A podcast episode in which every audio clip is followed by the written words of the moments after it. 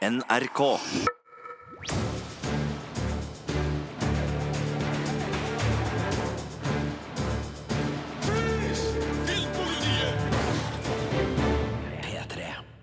Velkommen til en spesialpodkast fra Filmpolitiet som handler om filmfestivalen i Berlin.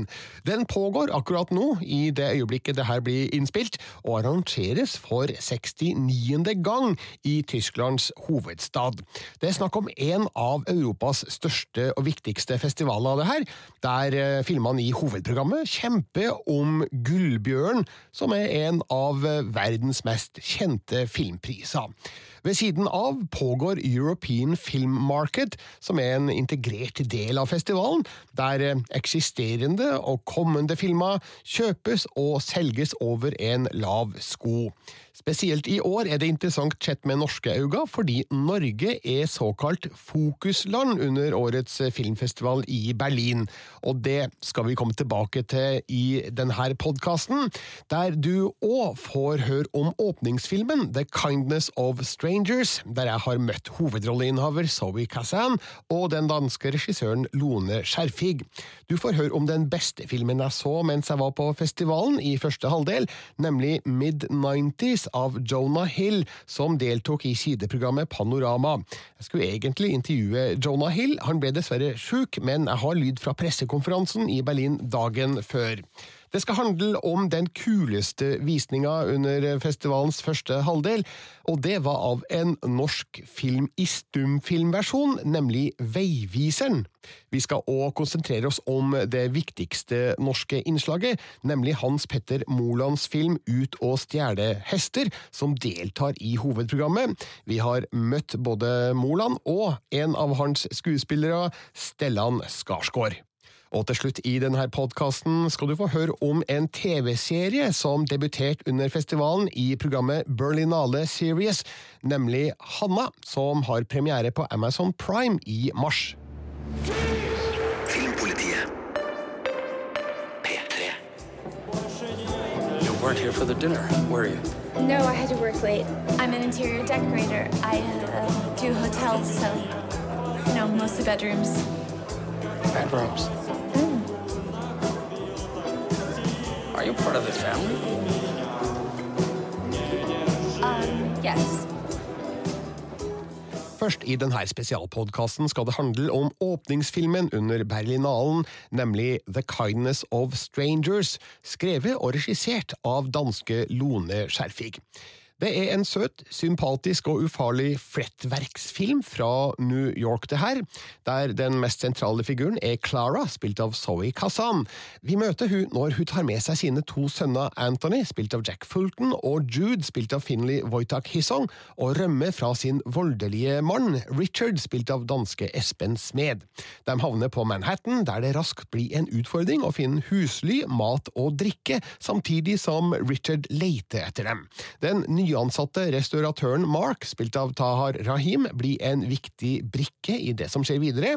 Det samme blir hans advokatkompis John Peter, spilt av Jay Baruchel, gruppeterapeuten Alice, spilt av Andrea Riceborough, hennes nye assistent Jeff, spilt av Caleb Landry Jones, og restauranteieren Timofey, spilt av Bill Nye. Det er en fin film, men en smule langtrukken, og baserer seg på litt for mange sammentreff og tilfeldigheter som kan være utfordrende å tro helt og fullt på. Likevel er det fullt mulig å la seg sjarmere av hvordan hovedpersonene tilbyr varme og medmenneskelighet til andre, og mottar det samme i gjengjeld. The Kindness of Strangers har ingen spesielle utfordringer eller provokasjoner på lur, og kan derfor oppfattes som i overkant trygg, men av og til er det ålreit med en film som bare vil være snill og grei. Så det var en ålreit åpningsfilm under Berlinalen, men litt overraskende ufarlig, kanskje. Ingen tar skade av å se den, og du får muligheten til det sjøl 26. april, for da har den norgespremiere. Jeg møtte en av hovedrolleinnehaverne i Berlin, nemlig Zoe Kazan, og um, hun fortalte hvorfor hun ble interessert i å spille rollen som Clara i The Kindness of Strangers. Um, I think I was very moved by her situation. Um, and also, uh, she, um, the decision that she makes at the beginning of the film to leave and to get herself and her children out of there without really having any um, support system or any real plan of how to survive or how to do um, how to how to take care of herself. Um, it seemed like a, a really interesting way to start a film um, and to start a character's journey. Uh, and I was curious about her. Also, I really wanted to work with Lona. Um, I've admired her work so much over the last 15 years, and um, I was curious about what it would be like to be on set with her. I was um, in my second trimester of my pregnancy when we shot this, so um, I was not trying to go through any more hardship than uh, it already was to shoot uh, in your second trimester in Toronto in the snow. Um, I, I, um, as I said in the press conference yesterday, I had done a stage play um, some years before where I had played someone who was getting themselves out of a domestic abuse situation. And I had done quite a bit of research then about what happens to people in those situations. And um, I think uh, I felt I had enough information to begin my process. Um, and then I think also there's a way in which Lona was aiming not absolutely at realism. I think that there's a kind of sense of, that it's a fairy tale or a fable, and it's it's not quite um, like um, like photorealism. I think I felt deeply protective of my private life while I was filming this, and I this is a very dark situation for a person to be in and I I think I probably didn't want those two things mixing too much. Also, I'm I'm not being glib. I was very very tired.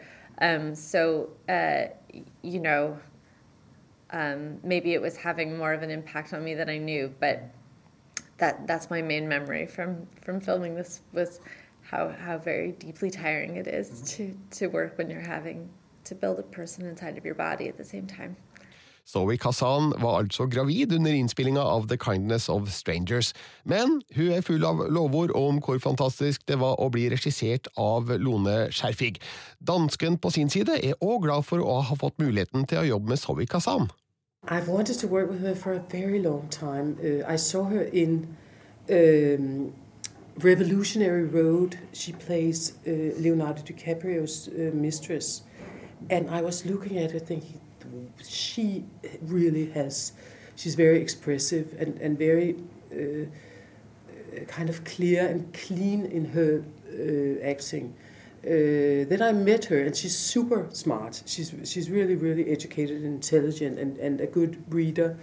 Uh, so this combination of someone who can analyze, but also can set that aside and just uh, uh, lose control and play the part is is extraordinary. Uh, and she's a writer too. I think, yeah, she wrote uh, Wildlife. Det sa Lone Skjerfig om Zoe Kazan, skuespilleren som er kanskje mest eh, kjent for eh, rollen i The Big Sick her i Norge. Resten av rollegalleriet i The Kindness of Strangers er besatt av blant annet Andrea Riceborough, Tahar Rahim, Bill Nye og Jay Baruchel og Caleb Landry Jones, og eh, denne besetninga forandra rollefigurene Skjerfig hadde skrevet en smule. The characters that you wrote for this film, did they change a lot when you cast them? A little bit, yeah. They're a bit younger than I had imagined, which I like because it gives, uh, it, it, in a way, it makes the film more positive because they have more of a future ahead of them. You imagine that Zoe can actually have a new life, uh, and, um, and and and also whenever we were thinking about Jeff as someone older, it became. Uh, uh, the tragedy in a way became bigger, uh, and also that Mark feel it feels he has a future ahead of him, and Alice, whenever we look towards someone older, the nurse, it, the, her, prob- her age became her problem and not the, the level of stress or someone trying to give everything they have. So I'm really glad that they ended up being a little younger than I had imagined. Um, but these, uh, a few, Andrea too, I've tried to get hold of for different projects over the years. I think she's a really extraordinary actress and a complete chameleon. You've seen her in many, many films, but she, she looks so different that you can never recognize her. I'm sure if you're going to meet her in a minute, she looks different again. She's been with the Royal Shakespeare Company, and then she can do complete avant-garde uh, goth. Uh, she has a very, very wide uh, range, so it's amazing to work with someone who has um, that level of of uh, trust too. I think she has decided in her career early on to just uh, uh, trust the situation. So she's very, and also because she's worked so much on stage, she's really reassured that she can take chances and uh, and it's going to be fine. Det sa Lone Skjerfig om Andrea Riceborough, som spiller sykesøster og frivillighetsarbeider Alice i The Kindness of Strangers. Skjerfig er mest kjent for filmene Italiensk for begynnere fra 2000 og An Education fra 2009. Nå har hun altså både skrevet og regissert The Kindness of Strangers, men hun understreket i Berlin at uh, filmens mørke kapitler ikke er henta fra hennes eget liv.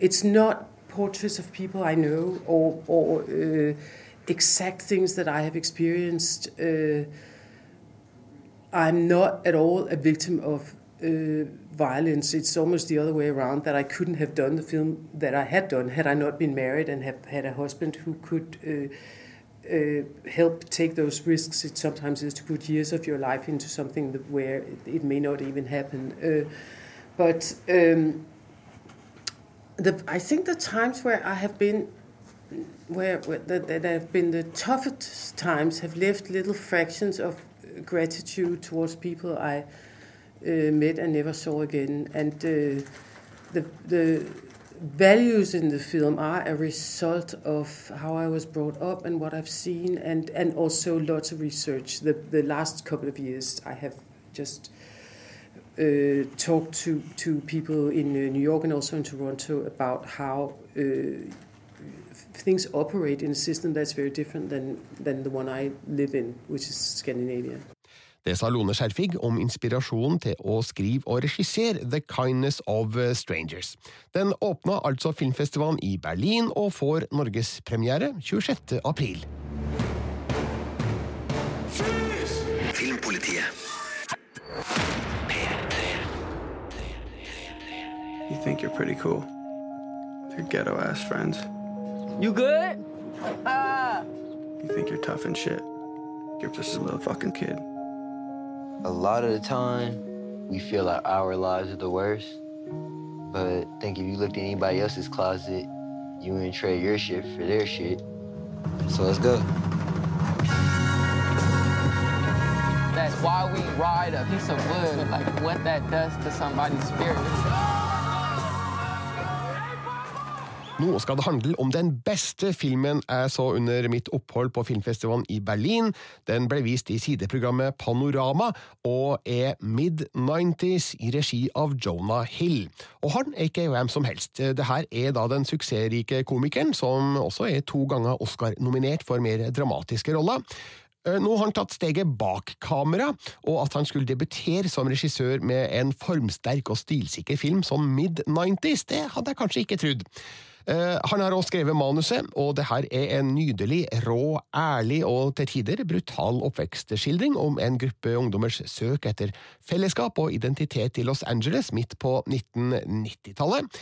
Uh, hovedrollen er da um, Stevie, 13 år gammel, spilt av Sunny Suljic. Han ser opp til skaterne Ray, spilt av Nakel Smith, Fuckshit, spilt av Olan Prenat, og Fourth Grade, spilt av Ryder McLaughlin. Og Stevie blir gradvis adoptert inn i gjengen. Inngangsbilletten hans er Ruben, spilt av Gio Galicia, den yngste i kameratflokken, som med sin lave ansiennitet har en slags tjenerfunksjon for resten. Nå er det Stevies tur til å ta rollen, men når han nesten blir mer populær blant de andre enn Ruben, og til og med får et kallenavn, Sunburn, så skaper det spenninga mellom dem. Hjem bankes Stevie jevnlig opp av storebroren Ian, spilt av Lucas Hedges, mens mora, spilt av Catherine Waterston, ofte er fraværende. Etter hvert som Stevie blir stadig mer involvert i både skating, festing, røyking, alkohol og jenta, så står han opp mot bror sin og river seg gradvis løs fra mora. Midnighties Mid-90s kan være vilt morsom i det ene øyeblikket og dypt sår i det neste, uten å føles kunstig eller anstrengt. Uh, den treffer tidskoloritten perfekt, med både håret og klærne og moten, Nintendo, skatinga og musikken og de andre tidsbildene vi forbinder med epoken, uten at det blir for fremtredende og forstyrrende. Det her er en oppsiktsvekkende god film fra en førstegangsregissør, som viser at han har et like stort talent bak kamera som foran. Jeg skulle egentlig intervjue Jonah Hill i Berlin, men eh, så ble han sjuk. Vi fikk beskjed om at han hadde pådratt seg smittsom øyekatarr, og Derfor så fikk jeg aldri møtt eh, Hill. Men jeg har lyd fra pressekonferansen i Berlin som foregikk dagen før. Og der reflekterte Jonah Hill over hvorfor han, som så mange andre førstegangsregissører, har debutert med en oppvekstfilm. I think a lot of first time filmmakers end up making coming of age stories because you reflect on the first 20 years of your life. And although like I'm not Stevie, this isn't my life. I think all the characters I'm writing about are people, you know, even Dabney or Lucas Hedges' character um, are people that I can see myself in, and more just about the feeling of growing up and what it means to find a group of people that you want to make your family and how little you may feel that you deserve to be a part of it mm-hmm. and navigating that. Det sa Jonah Hill, som med Mid-90s har eh, gitt oss eh, et stilsikkert og nostalgisk tilbakeblikk til midten av 1990-tallet. Eh, Hill har sjøl trukket frem filmene Kids av Larry Clark og This Is England av Shane Meadows som store inspirasjonskilder, og han utbroderte det her på pressekonferansen i Berlin. I love kids. I mean, it's, it's, a seminal movie for me because it was like the rawest movie I had seen at that time when it came out. And I completely uh, understand the comparisons to kids, but I think people are just like craving certainty in life and they need to see a movie and go, it's like this movie. But um, yes, they both have skateboarding. like, like my movie wouldn't exist without kids, but you know, kids is truly about its nihilism, and it was filming kids that were happening at that time. They really just kind of, you know, Harmony wrote a great script, and then Larry Clark was filming a scene that was taking place, and this is recreating something that happened 20 years earlier with a real sense of reflection and connection and hope. And my goal is to really show connection and hope in movies in a way that hopefully doesn't feel corny. And um, I love kids. I love This Is England. That was a movie about a very challenging subculture with young actors that was brilliantly acted. Shane Meadows' film. Um, Lynn Ramsey. Lynn Ramsey, Ratcatcher. Yeah, feel free to speak up. Lahain was a. Lahain, yeah, Lahain. Well. And then uh, um, Decline of Civilization, Western Civilization, Volume 1. Streetwise. You know, there's there's tons of tons of movies about youth that I felt depicted um, the rawness of growing up, but what I hope to add in this film at least was like also a real sense of hope even within ugliness. Stand By Me was another influence actually on the movie for sure. I, I love Stand By Me. Um, yeah, I mean, a large reason I wanted to make movies in general, especially now that I'm of age to make them or, or I'm starting to make them, is to challenge traditional masculinity. And I'm showing the way these kids bluntly speak to one another in such a harmful way, in such a misogynistic way, in such a homophobic way. And same with, you know, you look at movies like Stand By Me, it was pro- probably more seen as like cute and wholesome, but I'm trying to more show it for as blunt and as harmful as it actually is without saying that. I'm just showing it as it was. And for me, I think, you know, at least at America in that time in the 90s, traditional masculinity was not to show emotion, not to show sensitivity, not to show vulnerability, because it's feminine or, God forbid, gay to do so. And what that does and what we've seen is it leads to a lot of horrible behavior and a lot of bad actions. And I really would watch those like kind of like buddy films with a lens of like, yeah, we're kind of not saying what we mean and we're not actually expressing what's happening here. And I wanted to show that hopefully where the audience can. Ooh, are you okay? You all right? Oh. Somebody fell down, so I was just making sure. All right. Um, I just wanted to show that that's problematic and really explore that because these kids end up making terrible decisions. Their friendships their friendships end up getting fractured with one another. Their lives end up getting fractured most of the time because they can't just say i'm in pain and because the other person can't say i am too. And i really am just hitting the tip of the iceberg of sort of exploring that theme Det sa Jonah Hill, og du hørte òg så vidt fotografen av Mid-90s Christopher Blauvelt i det her klippet. Mid-90s er altså skrevet og regissert av førstnevnte, Jonah Hill, og er en film du er bare nødt til å få med deg når den har norgespremiere 26. april. Den fikk altså da sin europeiske premiere under filmfestivalen i Berlin.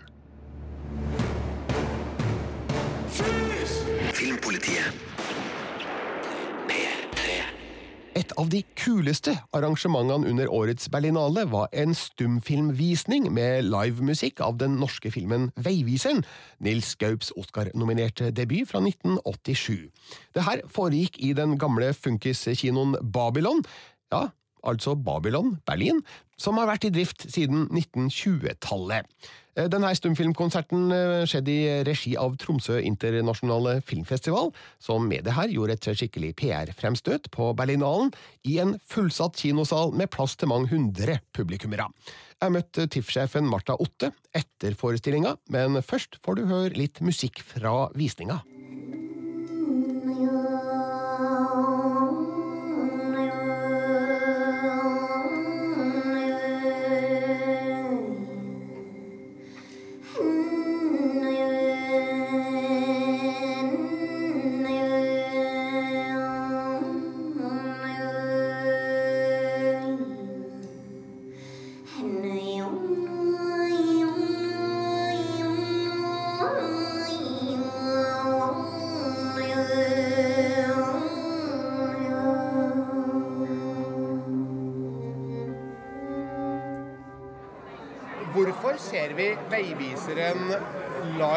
Som stumfilm her i Berlin? Vel, the short version eller the long version. Har, uh, dette er en produksjon som vi gjorde på TIFF i 2017, på Tromsø internasjonal filmfestival, for å markere, være med på å markere 100-årsjubileum for den samiske kongressen i Trondheim. Um, vi ville være med på det og gjorde det vi kunne, og så fikk vi den ideen at uh, når Veiviseren også hadde 30-årsjubileum, at det kunne være en måte fordi Veiviseren og Kongressen hadde begge samme formål. Og det er å få økt forståelse for samisk kultur og historie. Og styrke identitet. Og det syns vi var en bra match. Og da ga vi oppdraget om å lage ny musikk til samiske musikere. Og det har blitt til dette prosjektet som har reist rundt i Russland, Nordvest-Russland, ti plasser. blitt spilt i St. Petersburg, blitt spilt i Moskva og blitt spilt i Den forbudte by i Kina, Beijing, mener jeg. Eh, på en plass der det aldri har vært vist film før. Så det har vært et veldig unikt prosjekt. Så kommer vi til Berlin. Det er norsk eh, markering i markedet i Berlin. Alle øyne er rettet mot nord, og det liker vi.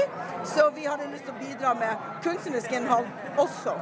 Så da gjorde vi en uh, avtale med Babylon kino, som er veldig god på stumfilm og levende musikk, og har fått nå opp dette her prosjektet, som er tydeligvis uh, stort appell for uh, det har vært utsolgt hus og veldig god stemning.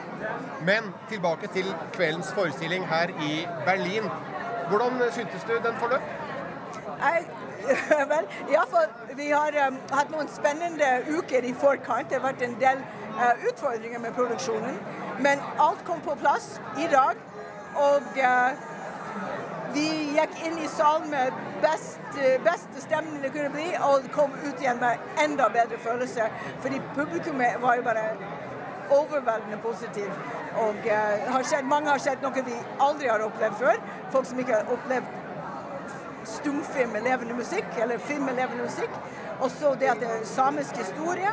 Eh, legendarisk legende fortalt av Nils Gaup, første film. Den andre norske filmen som ble nominert til Oscar, altså Foreign Language Oscar. Så det er jo det er så mange milepæler rundt dette. Og det er bare Det sitter i den produksjonen, og det er sånn Folk tar imot det på Altså, det går rett i hjertet på folk, har jeg fått følelse. Eh, rett før eh, vi starta dette intervjuet, så tok du farvel med Jon M. Jacobsen, filmens produsent. Så det, dette er gjort med filmskapernes eh, Eh, Samtykke. samtykke. Absolutt. Eh, Vi, må, vi var veldig nøye med å spørre de rette folkene. Det som er interessant, er at dette var første gang Jon har vært og sett det. Og han var veldig, veldig rørt. Han sa dette må Tim, Thank you so much for having me. It's really brilliant. We loved it. We'll talk. I'm going to email you, yes. Yes, we'll talk again soon. Yes. Eh, Jon M. Jacobsen, ja, han var i publikummet. Eh, det visste jeg ikke. Eh, og det henger jo sammen med det er så mange nordmenn nå på, på norske markeringer. Eh, og, eh, og det var første gang han har sett den forestillinga, han var bare så fornøyd. Og han sier dette må vi fortsette med. Hvorfor er det viktig for Tromsø internasjonale filmfestival å markere seg her eh, på Berlinalen? Vel, vi tenker det at eh, Norge er mer enn Oslo. Uh, vi vil nå være til stede når, når eh, Norge profilerer seg i utlandet. Og eh, vi syns vi har noe å komme med. Altså, vi bor i en landsdel som bare koker med talent og historie og kultur. Så eh, når vi har noe så bra som dette, så tenkte vi det passer veldig godt å, å være Nå, nå er vi på etterfesten for denne forestillinga. Skal vi se om de har noe champagne og kanapeer på lur? Vi har jo faktisk makkøl. Det måtte vi ha med oss fra Nord-Norge. Enda bedre. Enda bedre.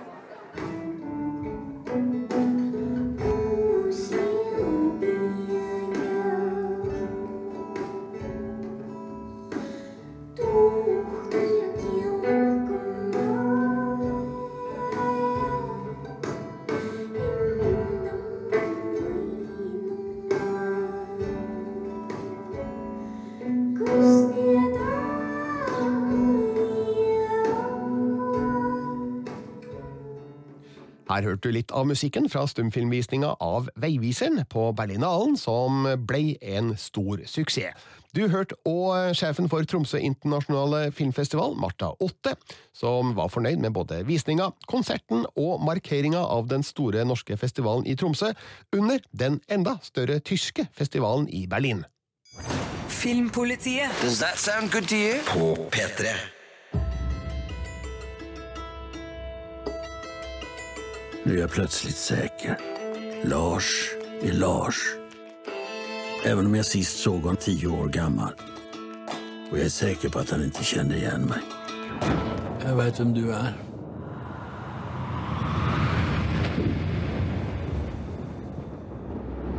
Jag vet vem du är också. Så over til den viktigste norske filmen under årets Berlinale, nemlig Ut og stjele hester, i regi av Hans Petter Moland, som deltar i hovedkonkurransen. Kjemper dermed om den forjettede Gullbjørnen.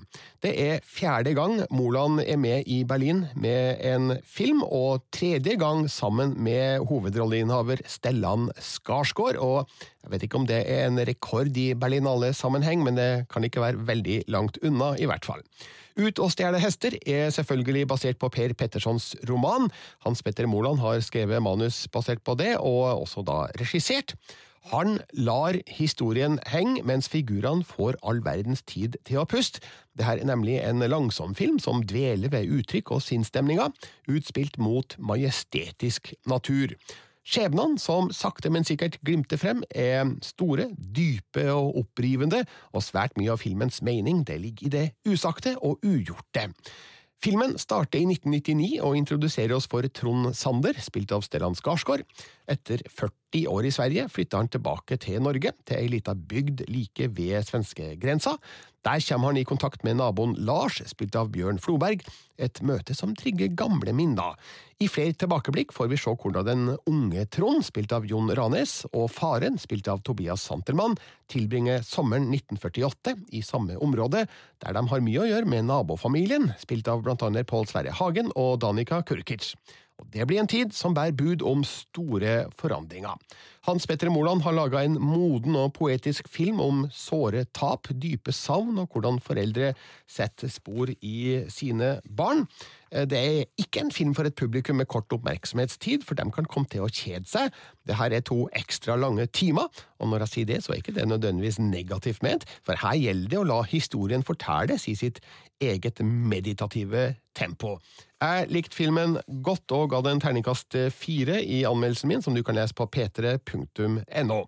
Eh, filmen har fått anmeldelser over et stort spekter, fra dem som syns den er kjedelig med slapt skuespill, til de riktig så positive i Variety og The Hollywood Reporter, til en panegyrisk i Berliner Zeitung som kalte filmen et mesterverk.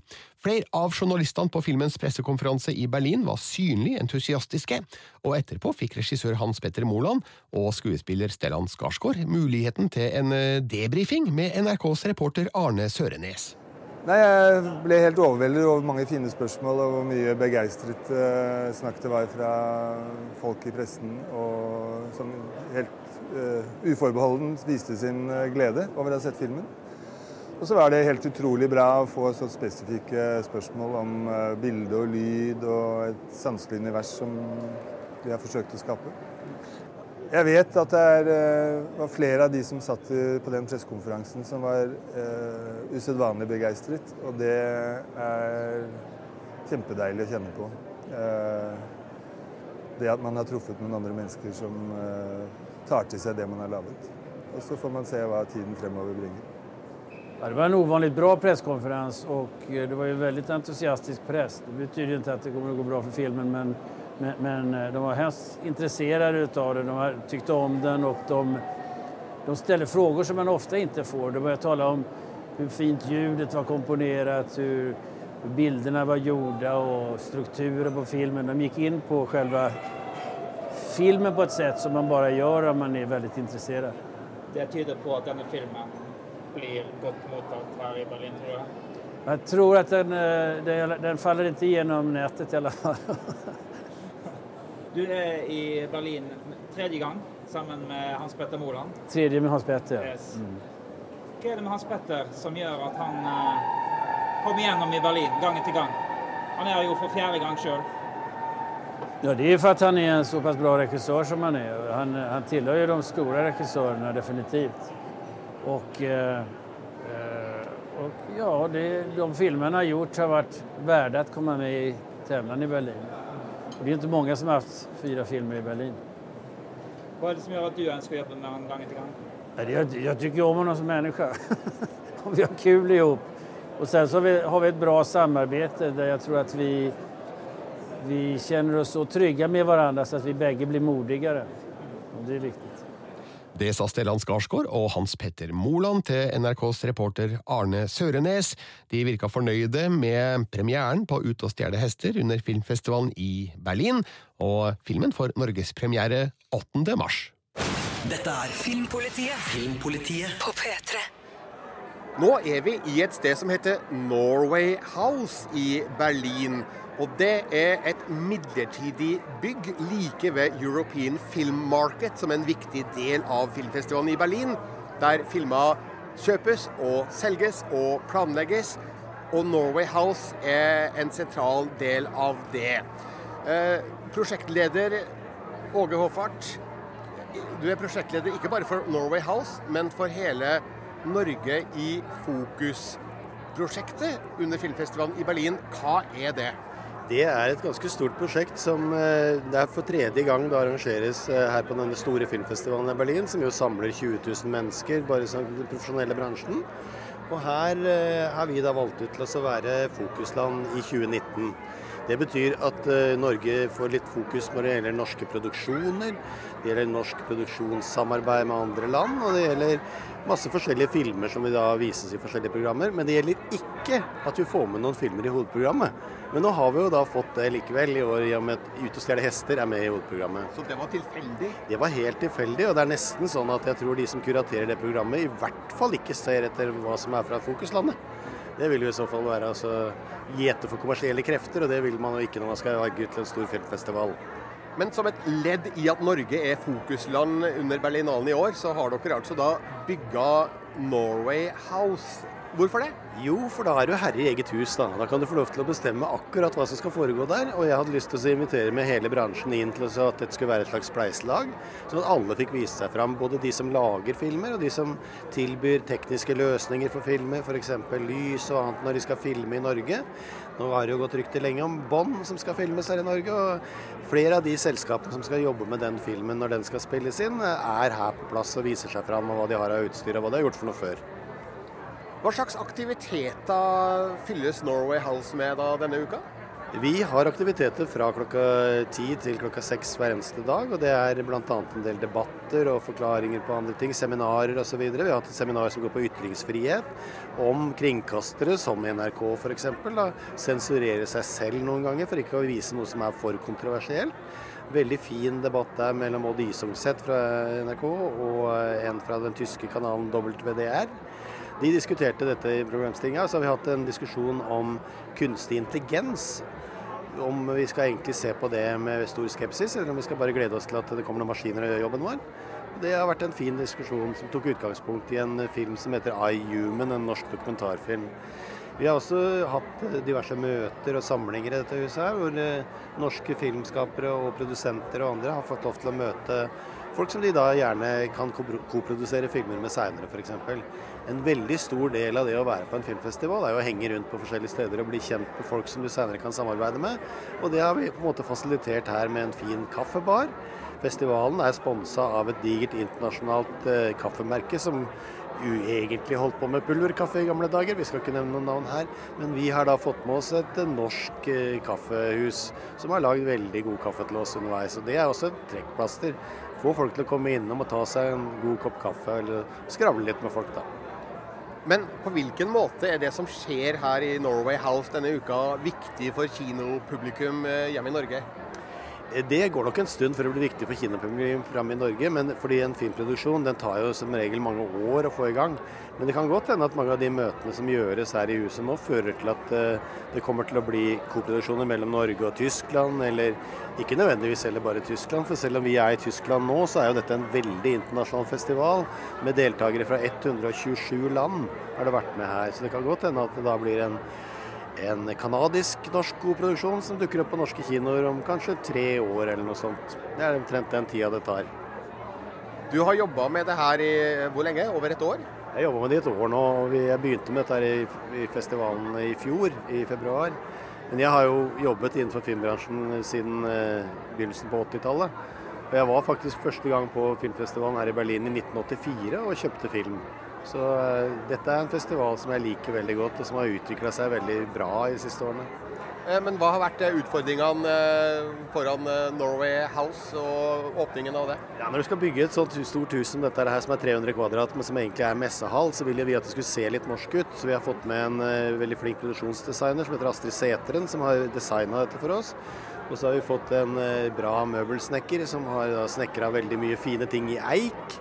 Så blir det sånn at når det ene tar det andre, når vi har lagd noe skille mellom standen i solid eik, så kunne vi jo like godt snekre en bar i eik, og så kunne vi like godt lage en scene i eik osv. Så, videre. så vi kom ned hit med en semitrailer med tolv tonn med utstyr. Det er klart at det her er kostbart. Hva vil være et målbart resultat av eh, Norway House-presentasjonen under Berlinalen? Det vil være at flere land kjenner til Norge som filmproduserende land. At vi kjenner til Norge som en teknisk leverandør på masse forskjellige ting. Og at det dermed også kan bli flere koproduksjoner som går videre. Vi har et av firmaene som, som viser seg fram her, som heter Gimpville. De har jobba veldig mye med Korea. Og det er noe som folk ikke vil tro egentlig, at man drar til Norge når man bor i Korea for å lage noe som helst. For Norge er jo dyrt, tror folk. Når det gjelder samband mellom teknikk og kvalitet og pris, så ligger da Norge faktisk veldig langt framme. Og en ting du kanskje ikke visste, var at Norge er da en ganske stor eksportør av hai. Det kjenner du kanskje ikke til? Uh, nei, det var jeg helt ukjent med. Ja, Det er altså da digitale haier som er brukt i film. Akkurat. De kan resirkuleres og brukes i en annen film. Eh, nå er vi midt i festivalen sånn cirka. Hva skjer med Norway House når det hele er over? Eh, på, nå har vi starta dette her. Kulturministeren åpna dette huset her på fredag. Og eh, på onsdag så er vi ferdige med den markedsdelen. Og det er veldig hektisk hele tiden på en sånn filmfestival. Så på onsdag så begynner vi å rigge ned. Og eh, da skal eh, en del av de elementene som her brukes andre steder. Bl.a. så kommer det til å dukke opp noe av disse eiketingene vi har produsert. Bl.a. på Festspillene i Bergen og en god del andre steder. Eh, nå skal jo det her eh, evalueres eh, etter at festivalen er ferdig, antar jeg. Men etter de første dagene her, har det forløpt seg omtrent sånn som du hadde håpa på? Ja, det har det absolutt gjort. Altså, det har blitt overgått egentlig de forventningene som vi hadde, mange av oss her. fordi det har blitt et møtested for veldig mange. Vi ligger jo veldig godt plassert liksom, mellom kinoene og markedet på denne festivalen. Og vi har rett på andre siden av gaten så har vi et hus som heter Africa Hub. Som da eh, Afrika på en måte bruker til presentasjoner osv. Og, så og noen som var der på møtet i går, sa med litt glimt i øyet, det var ikke egentlig noe annet, men de sa at her har vi et helt kontinent, og så har vi en liten pølsebod, og på andre sida står Norge med det flotte huset. Det er et bitte lite drittland. Vi er et helt kontinent. Så nei, vi har hatt det Det ble litt moro. Filmpolitiet.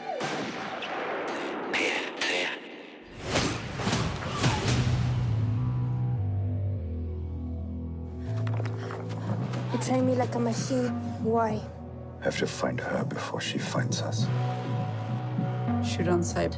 If anyone asks, that girl does not exist. I'm not safe. People are trying to hurt me. I want you to trust me. I can't trust anyone.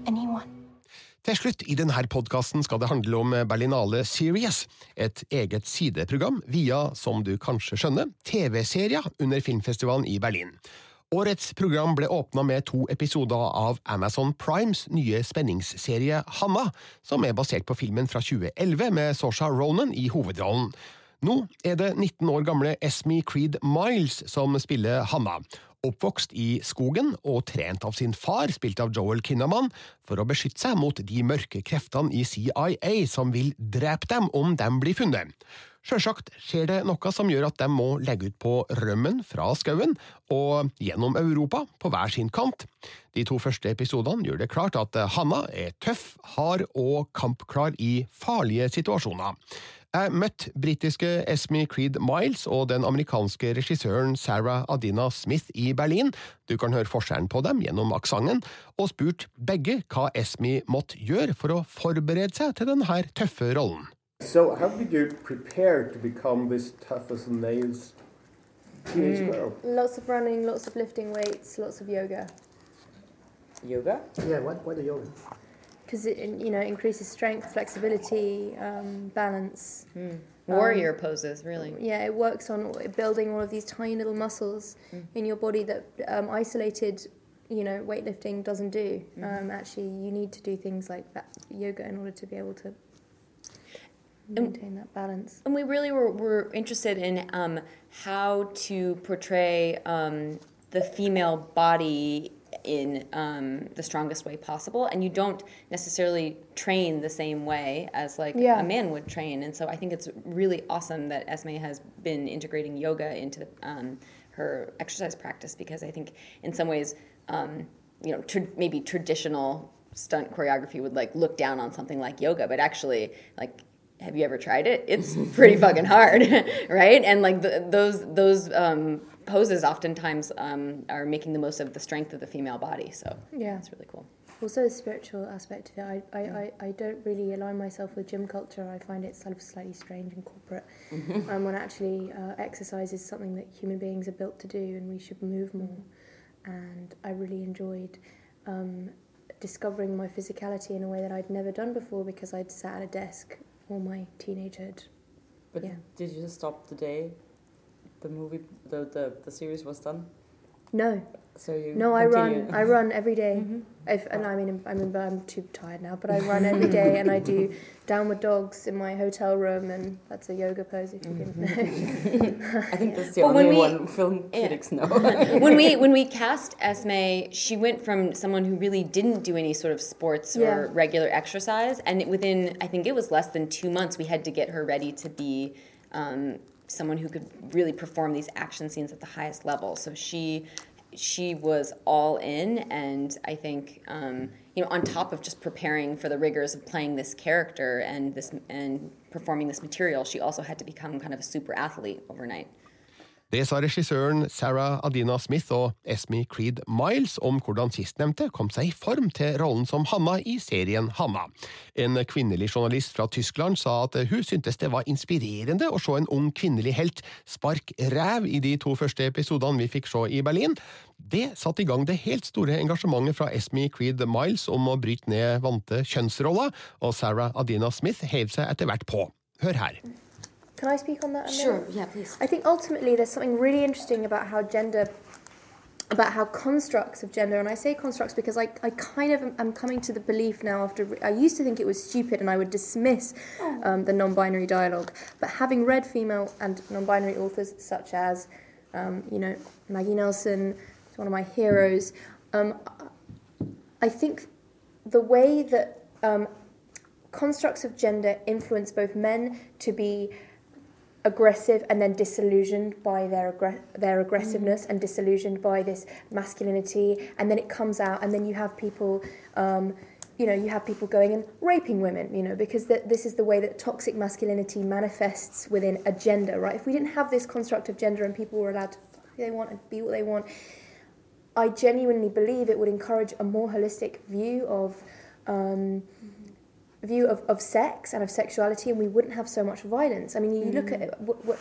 countries where religion is so precedent. I mean, you look at like Eastern Europe and Russia, and you look at the way that Christianity operates there, and the way that women are treated in, in their relationships. Or if you look at, you know, um, I don't want to speak out of turn, but you know, sometimes in Muslim countries, in the way that women are treated.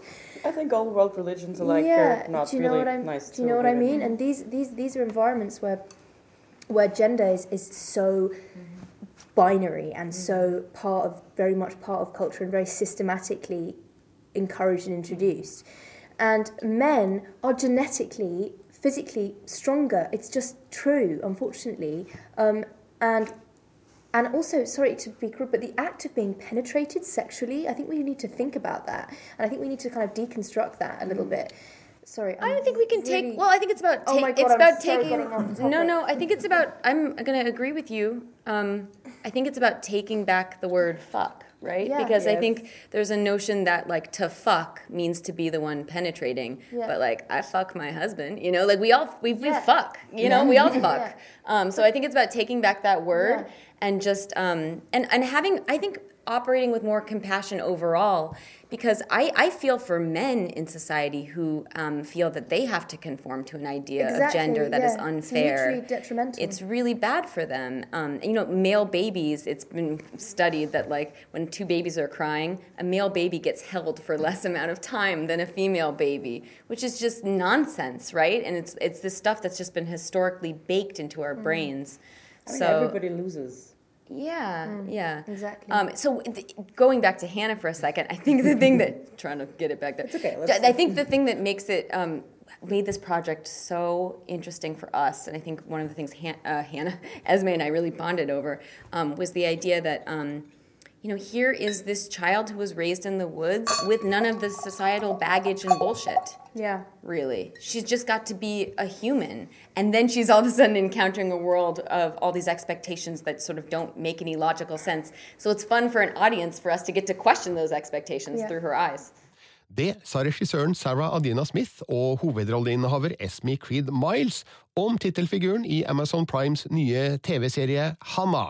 Den får premiere i mars, og vi fikk altså se de første episodene under filmfestivalen i Berlin. Let's talk about your father. Do you know why he kept you in the forest? Did he tell you where he was going? We are all worried about him. You're safe now. She's faking.